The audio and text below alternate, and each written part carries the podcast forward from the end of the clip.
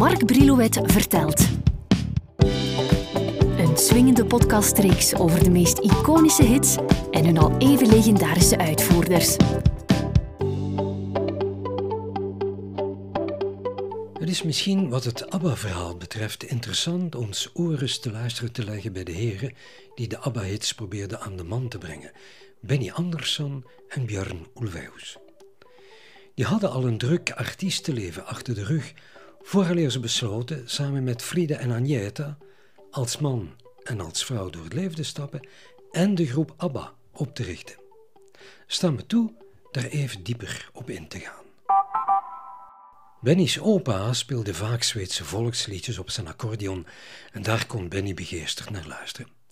Ook zijn vader Gusta speelde voortreffelijk op dat instrument en Benny zal nooit de momenten vergeten dat zijn vader en zijn grootvader samen uit een accordeon de mooiste melodieën toverden. Benny is zes wanneer hij van zijn ouders, hoe kan het ook anders, zijn eerste accordeon krijgt. Van zijn grootvader leert hij de kneepjes van het accordeonspel. En in hun onmiddellijke omgeving maken de Andersons vrij snel als accordeontrio grote sier. Benny is elf wanneer hij, dankzij de centjes van opa, een buffetpiano krijgt. Mama spoort hem aan dagelijks te oefenen en zo leert hij dat instrument snel in de vingers te krijgen. Er staat thuis ook een platenspeler en het eerste singeltje dat Benny koopt is Du bist muziek van de Duitse zangeres Catherine Valente, met meteen nadien als tweede plaatje Jailhouse Rock van Elvis Presley. Op zijn veertiende treedt Benny als pianist op in het plaatsje Tegelheugen. Nou, moeten we de komende minuten het niet kwalijk nemen als ik Zweedse namen moet uitspreken. Hè? Ik doe het maar zogezegd fonetisch. Dus hij trad op als pianist in het plaatsje Tegelheugen. Op dat moment zo'n beetje de place to be voor de jongeren uit zijn omgeving. Benny die wil niet voortstuderen en die gaat op zijn zestiende werken bij een Zweeds bouwbedrijf. Minder leuk nieuws is dat hij enkele weken voor zijn zestiende verjaardag verneemt dat zijn vriendinnetje Christina zwanger is van hem. Iets later wordt hun zoon Peter geboren. In 1964, we zijn dan vooraan 1964, gaat Benny bij de groep Elverket Spelmanslaak spelen. Opvallende is dat ze door de bank vooral instrumentale nummers spelen. Vriendinnetje Christina wordt zangeres bij de band, zodat Benny en zij als koppel aardig wat tijd samen kunnen doorbrengen. Doordat de groep niet vaak optreedt, vormt Benny dan maar op zekere dag een duo met Hans Englund om toch maar iets geld te verdienen. Benny die ziet echter muzikaal na een tijdje geen uitweg en hij gaat opnieuw studeren, maar dat zal ook deze keer niet lang duren. In Zweden is er namelijk op dat moment een groep die furoren maakt, de Hepstars. Hun organist ziet het niet meer zitten en verlaat vrij onverwacht de groep. Leden van de groep herinneren zich Benny Andersson, die ze al een paar keer hebben zien optreden, en gaan bij hem aankloppen. En wat blijkt, Benny is een enorme aanwinst. Hij is dan 18. De Hepstars, moet u weten, worden snel beschouwd als het Zweedse antwoord op de Beatles. Benny ontplooit zich binnen de band ook nog eens tot een volwaardige songwriter. En onthoud dat laatste voor zo, meteen, dat is belangrijk. Nu gaan we even op zoek naar die andere schrijvende helft van ABBA, Björn Ulvaeus, in 1945 in Göteborg geboren. Benny, dat was ik daarnet vergeten te vertellen, was in Stockholm geboren. Björn is op school een goede leerling, gezegend met een echte talenknobbel. Op jonge leeftijd schrijft hij al zijn eerste gedichtjes. Papa Gunnar die speelt in zijn vrije tijd mandoline. Geld voor een platendraai hebben ze niet, maar thuis staat wel de godganse dag de radio aan. In Zweden zijn in de jaren 50 vooral slagers, ook Duitse en folkmuziek populair. Net zoals zoveel andere Zweedse kinderen leert hij tijdens zijn tienerjaren blokfluit spelen. Dat heeft iets te maken met die volkse liedjes. Die muzikale opleiding vormt voor de meesten een geschikte overstap naar de viool en de piano. Dankzij zijn neef Jun komt Björn snel in contact met de skiffelmuziek en de platen van de groep The Vipers.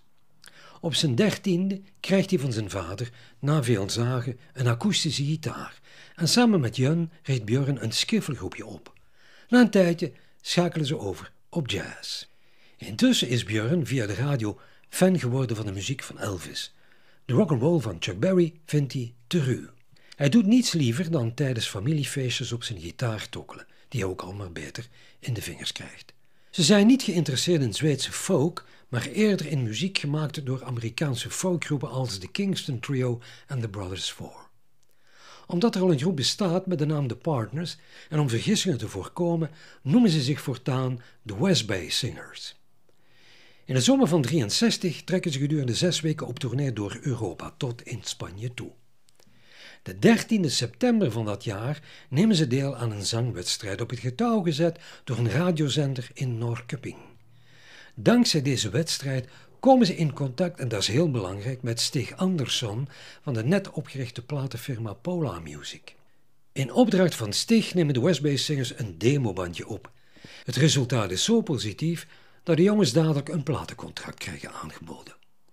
Polar Music is op dat moment op zoek naar een jonge band die het publiek kan overtuigen met hun muziek mee te leven. Elk optreden moet een soort party worden, een soort jam sessie. In de folkmuziek wordt zo'n manier van musiceren hootenanny genoemd. Stig die staat er dan ook op dat Björn en zijn groep voortaan als de hootenanny singers door het leven gaan. Vrij snel gaat Björn voor hen Engelstalige liedjes schrijven. Op zekere dag en dat is erg belangrijk als aanloop naar het ontstaan van ABBA, kruisen de Hepstars en de Hootenanny-singers elkaar. Benny en Björn geraken aan de praat en besluiten samen liedjes te gaan schrijven. Stig Andersen die ziet wel wat in hun samenwerking. In de maand april 1970, er is van ABBA nog geen sprake, maar Benny en Björn zijn samen met hun geliefde Frida en Agneta op vakantie in Cyprus. Ze treden daar voor hun plezier op voor de Amerikaanse soldaten die op dat eiland gelegerd zijn. Benny en Björn zijn op dat moment ook al druk bezig met de opname van hun album Lika, dat in september zal verschijnen, en waarop Agnete en Frida meezingen. Ze nemen samen voor die LP Hey Gamle Man op. In dit liedje, je moet maar eens luisteren, hoor je de oerversie van ABBA. Ze zingen alle vier op een bepaald moment samen. Dat liedje verschijnt op single, maar wel onder de naam Björn en Benny. Er zit voor beide heren een top 5 hit in. He, we zijn er nog niet. Ik hoop dat u nog kan volgen. Hè?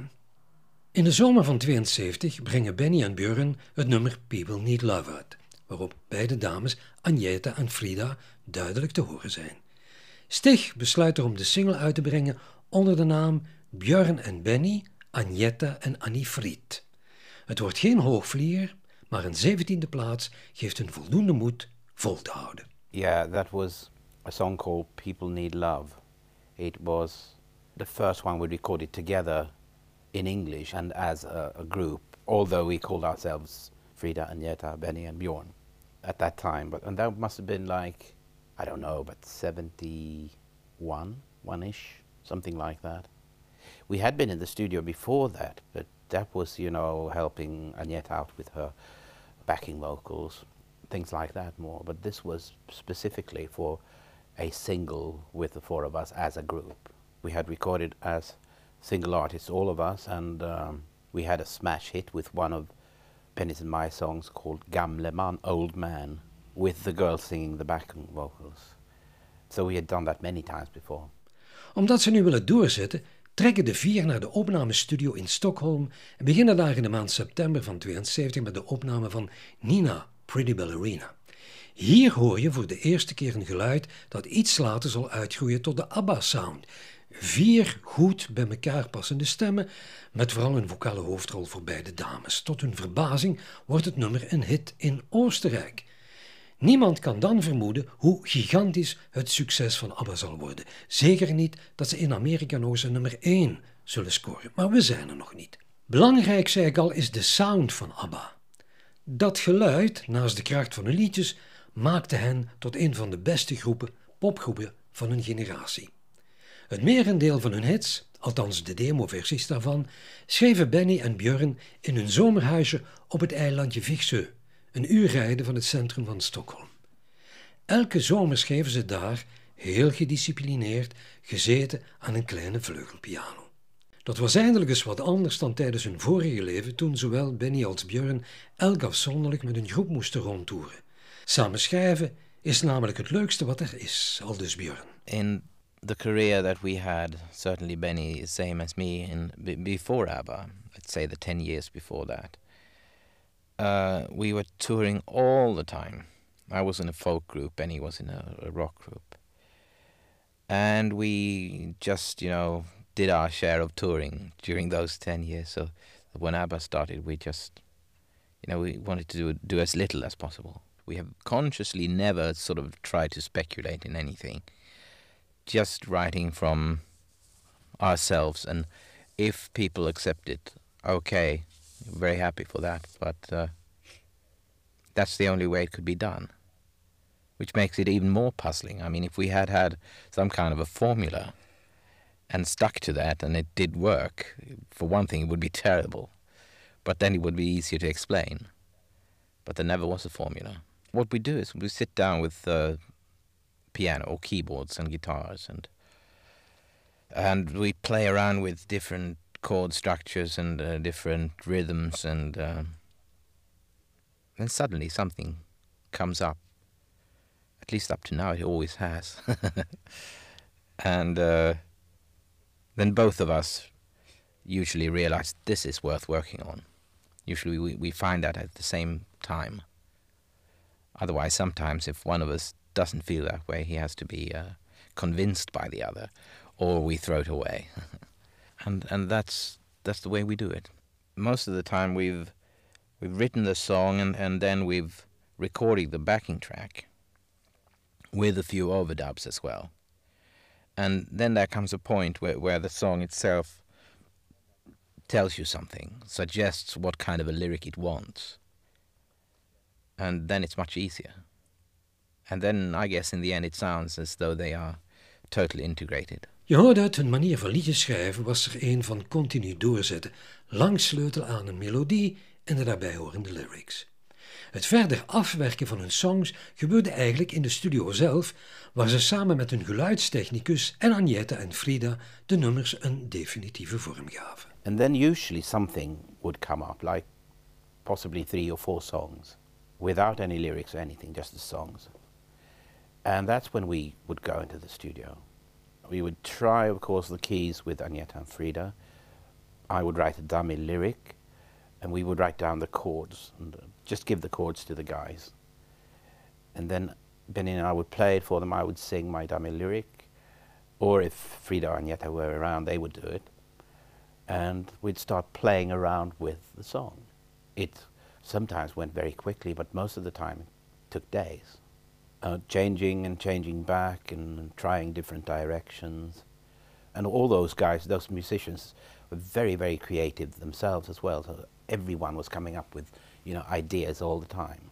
They, they were the best in the country, and they were, you know, if you compare them to English and American musicians at that time, they would be equally good. Zoals ik al zei, het samen liedjes schrijven, het dagen, wekenlang naar elkaar hun songs in de juiste vorm gieten, was voor Benny en Björn je van het. Dit was het liefste wat ze deden. En nee, het verhaal klopt niet dat alleen Agneta opzag tegen het vele vliegen en het vaak van huis zijn en het vaak optreden. Je moet, zegt Björn, al een soort exhibitionist zijn om je dikwijls op een podium te etaleren en vooral om dat te blijven volhouden. In het begin is dat heel leuk, maar na een tijdje wordt het routine, je reinste bandwerk. It's such a difference. I think you have to be some a little of an exhibitionist to to enjoy performing. And certainly when we were out with ABBA playing our concerts, I mean, it was very nice to meet the fans, uh, let's say the first week. But, but after that, everything became so predictable, you see. We got up there and we played our songs and, and we knew exactly what would happen. And uh, it, it, it's very strange to say that. I mean, for most people th- think it must be a dream to stand up there in front of 10 or 20,000 people. And in a way it is, but it also gets uh, routine after a while.